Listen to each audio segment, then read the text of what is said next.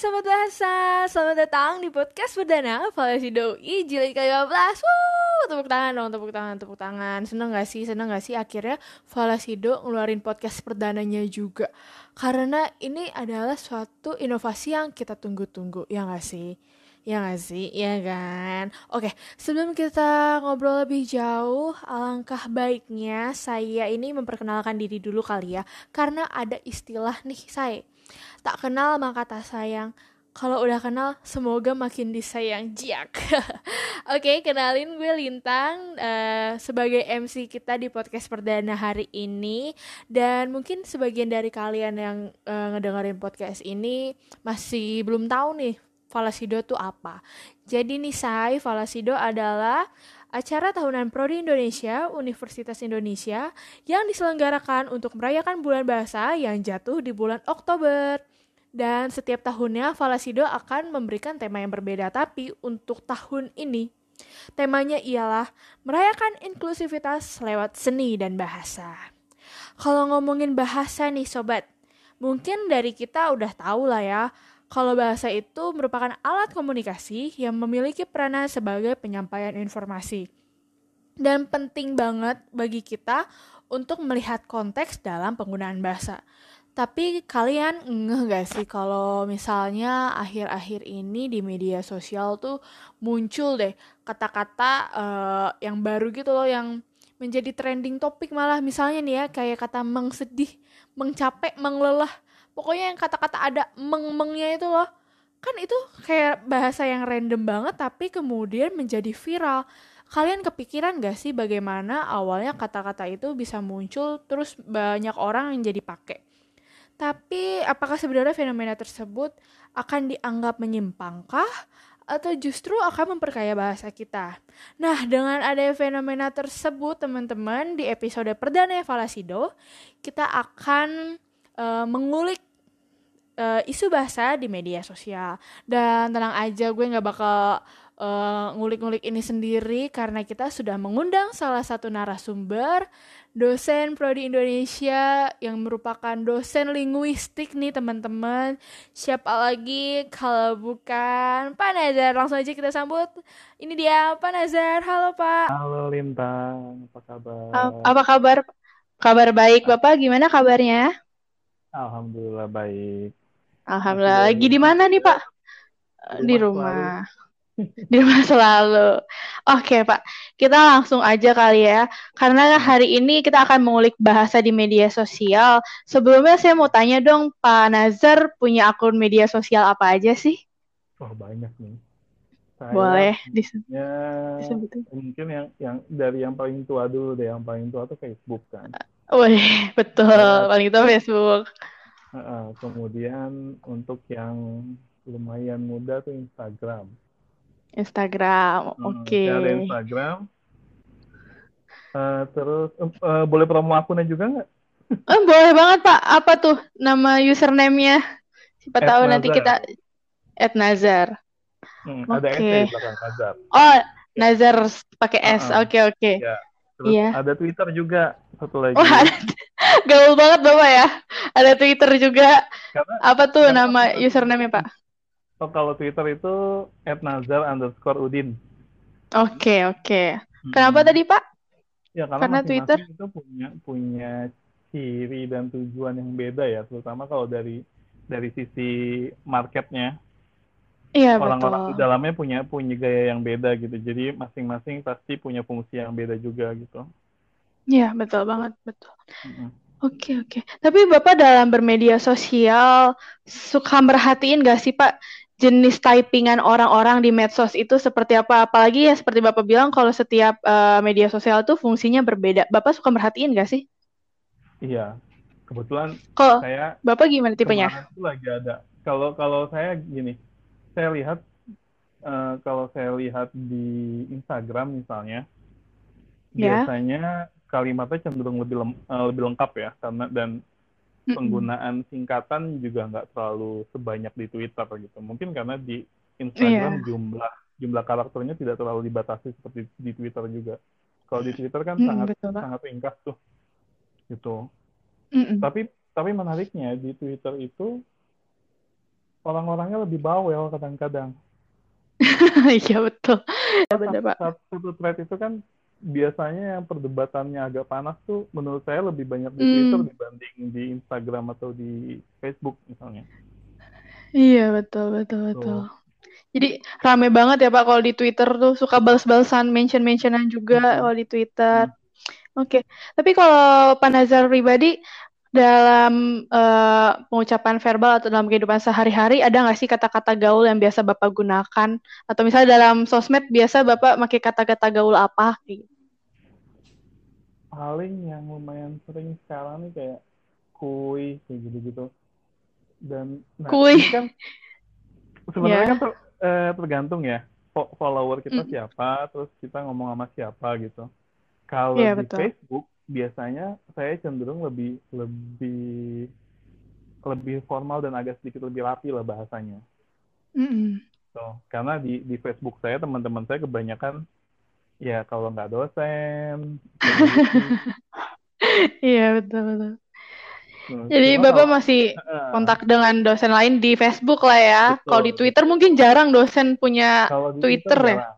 Kalau di Twitter oh, pengen iya. tujuannya pengen kepo aja sih, pengen lihat rame itu apa gitu. Berarti kan yeah. akun-akun yang ada di sekitar kan akun-akun yang lebih bebas gitu dari segi penggunaan bahasa. Bahkan saya sempat bikin riset tentang uh, fans K-pop yang yang yang buat apa ya, yang buat akun uh, Twitter fandom gitu mm-hmm. untuk lihat penggunaan bahasa mereka di Twitter. Oh ya. So. Terus hasil dari uh, risetnya itu seperti apa, Pak?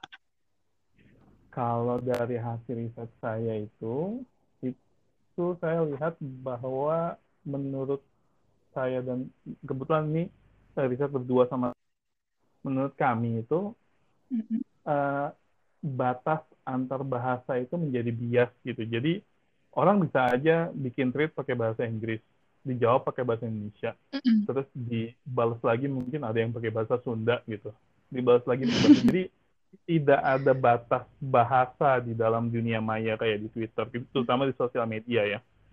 Yeah. Selama semua orang itu bisa saling mengerti ya mau kasarnya lo mau pakai bahasa apa apa aja terserah gitu nggak ada batasan mm-hmm. gitu. Nah kalau dalam linguistik tuh yang kayak yeah. gitu ada disebut dengan translanguaging. Oh so. gitu, oke baik pak. Mm-hmm. Terus uh, saya mau tanya dong, kira-kira mm-hmm. apa sih pandangan bapak melihat fenomena uh, munculnya kata-kata viral di media sosial? Mungkin sebagian dari kita bertanya-tanya kalau misalnya fenomena itu menjadi suatu penyimpangan atau ini menjadi memperkaya bahasa Indonesia, pak? Hmm, gitu ya. Pertanyaannya itu penyimpangan atau memperkaya. Nah ini tergantung iya, menurut dua pandangan Bapak. pandang nih, tergantung dua dua uh, pandang.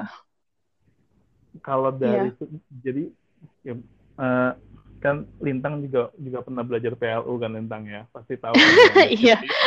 ada yang preskriptif gitu kan, ada yeah. orang yang memang memang pekerjaannya uh, mencari atau harus membedakan mana yang menyimpang mana yang enggak. Misalnya kalau dia guru ngajarin ke, ke siswa gitu kan berarti dia harus punya pandangan yang preskriptif gitu kalau dari yeah. sudut pandang itu bisa aja dianggap menyimpang tapi kalau saya secara pribadi menurut saya sih malah memperkaya tuh karena mm.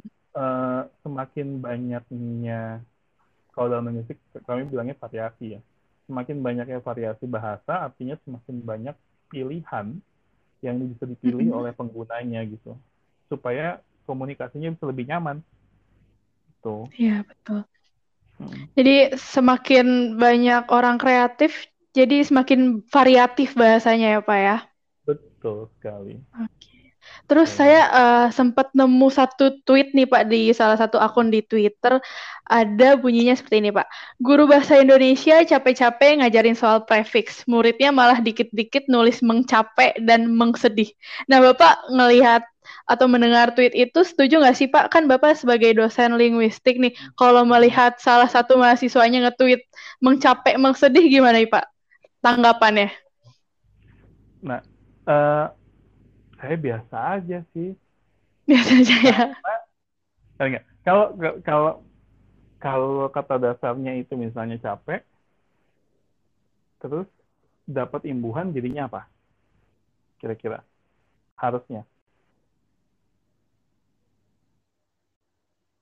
kira-kira ada kalau capek itu kan nggak ada me nggak ada ber kan bercapek nggak ada mencapai sebenarnya nggak mm. ada gitu kan mm. tapi kalau kata dasar C kayak cuci misalnya dapat me jadinya mencuci, kan? mencuci kan iya n-nya tetap tapi bukan eng gitu nah mm. tapi yang saya lihat di sini untuk kasus itu kalau di dalam musik namanya hiperkoreksi ya iya yeah.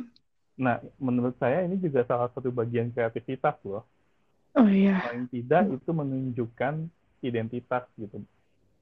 Ketika orang, ketika si pengguna itu atau uh, tolong dikoreksi nih kalau kalau saya salah. Setahu saya yang yang nulis seperti itu biasanya kebanyakan anak muda. Iya betul betul pak. Dan anak muda itu uh, lagi masa-masanya nih butuh identitas, butuh pengakuan, butuh bahwa ini kami adalah generasi yang ini loh gitu untuk membedakan dari dari generasi yang lain. Kalau menurut saya itu bukan berarti mereka nggak tahu mana yang mana yang baku ibaratnya seperti itu. Mereka tahu mana yang baku gitu. Hanya mereka ingin bereksperimen dengan gaya mereka sendiri gitu. Yeah, nah masalah betul. nanti ke depannya itu diterima atau enggak ya itu bukan bukan urusan kita kan toh penutur yang lain yang akan menentukan Gitu. Mm, iya betul. Hmm. Karena dulu bahasa-bahasa gaul malah disebutnya bahasa alay, tapi karena sekarang bahasa gaul sudah dipakai semua orang, orang yang menggunakan bahasa baku malah dianggap terlalu kaku ya pak ya? Iya. Kayak gitu. Kalau kalau kita balik lagi ke ke definisi yang paling sederhana aja, apa sih yang disebut dengan bahasa bahasa Indonesia yang baik dan benar itu? Gitu. Apa kita datang ke pasar terus kita beli mangga terus bilang ibu berapa harga satu kilogram mangga ini? Ya. Itu kan jadi aneh dong. Terlalu kaku ya. Se secara secara gramatikal mungkin benar, tapi secara mm. fungsi atau secara sosial itu nggak tepat gitu. Ya betul jadi, pak.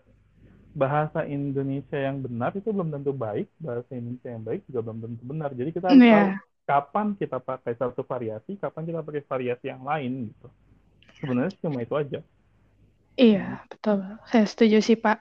Berarti setiap penggunaan bahasa tuh harus melihat konteksnya dulu ya, Pak ya. Betul. Terus, nih Pak, uh, kalau misalnya kata-kata viral saat ini semakin sering digunakan, apakah hmm. nantinya bisa dimasukkan ke dalam KBBI ya, Pak?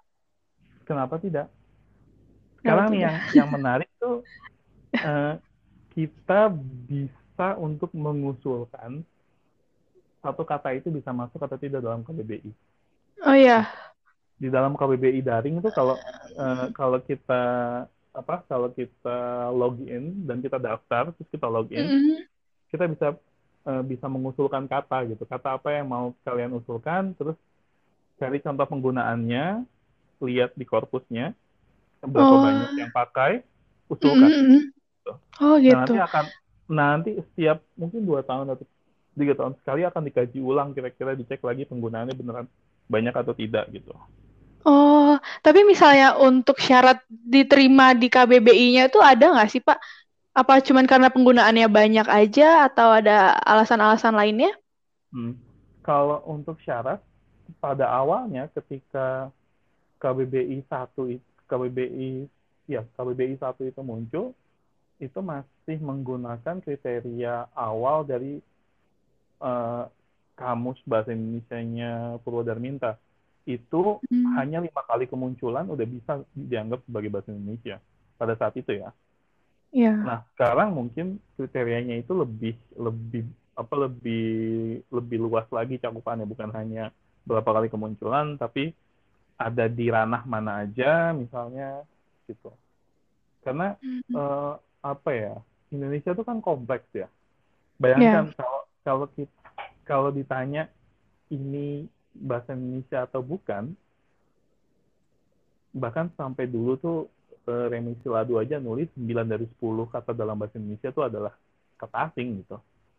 Jadi gimana gitu. Jadi agak sulit juga gitu untuk untuk menentukan mana yang benar-benar bahasa Indonesia, mana yang bukan gitu. Yang ada kita kita memang harus mengusulkan Oh iya, betul. Untuk melihat pengembangan kosakata yang ada di Indonesia ini gitu. Hmm. Jadi kalau teman-teman yang dengar nanti mau ngusulin kota-kata ke KBBI bisa ya Pak ya? Bisa dong. Asal okay. nah itu dia.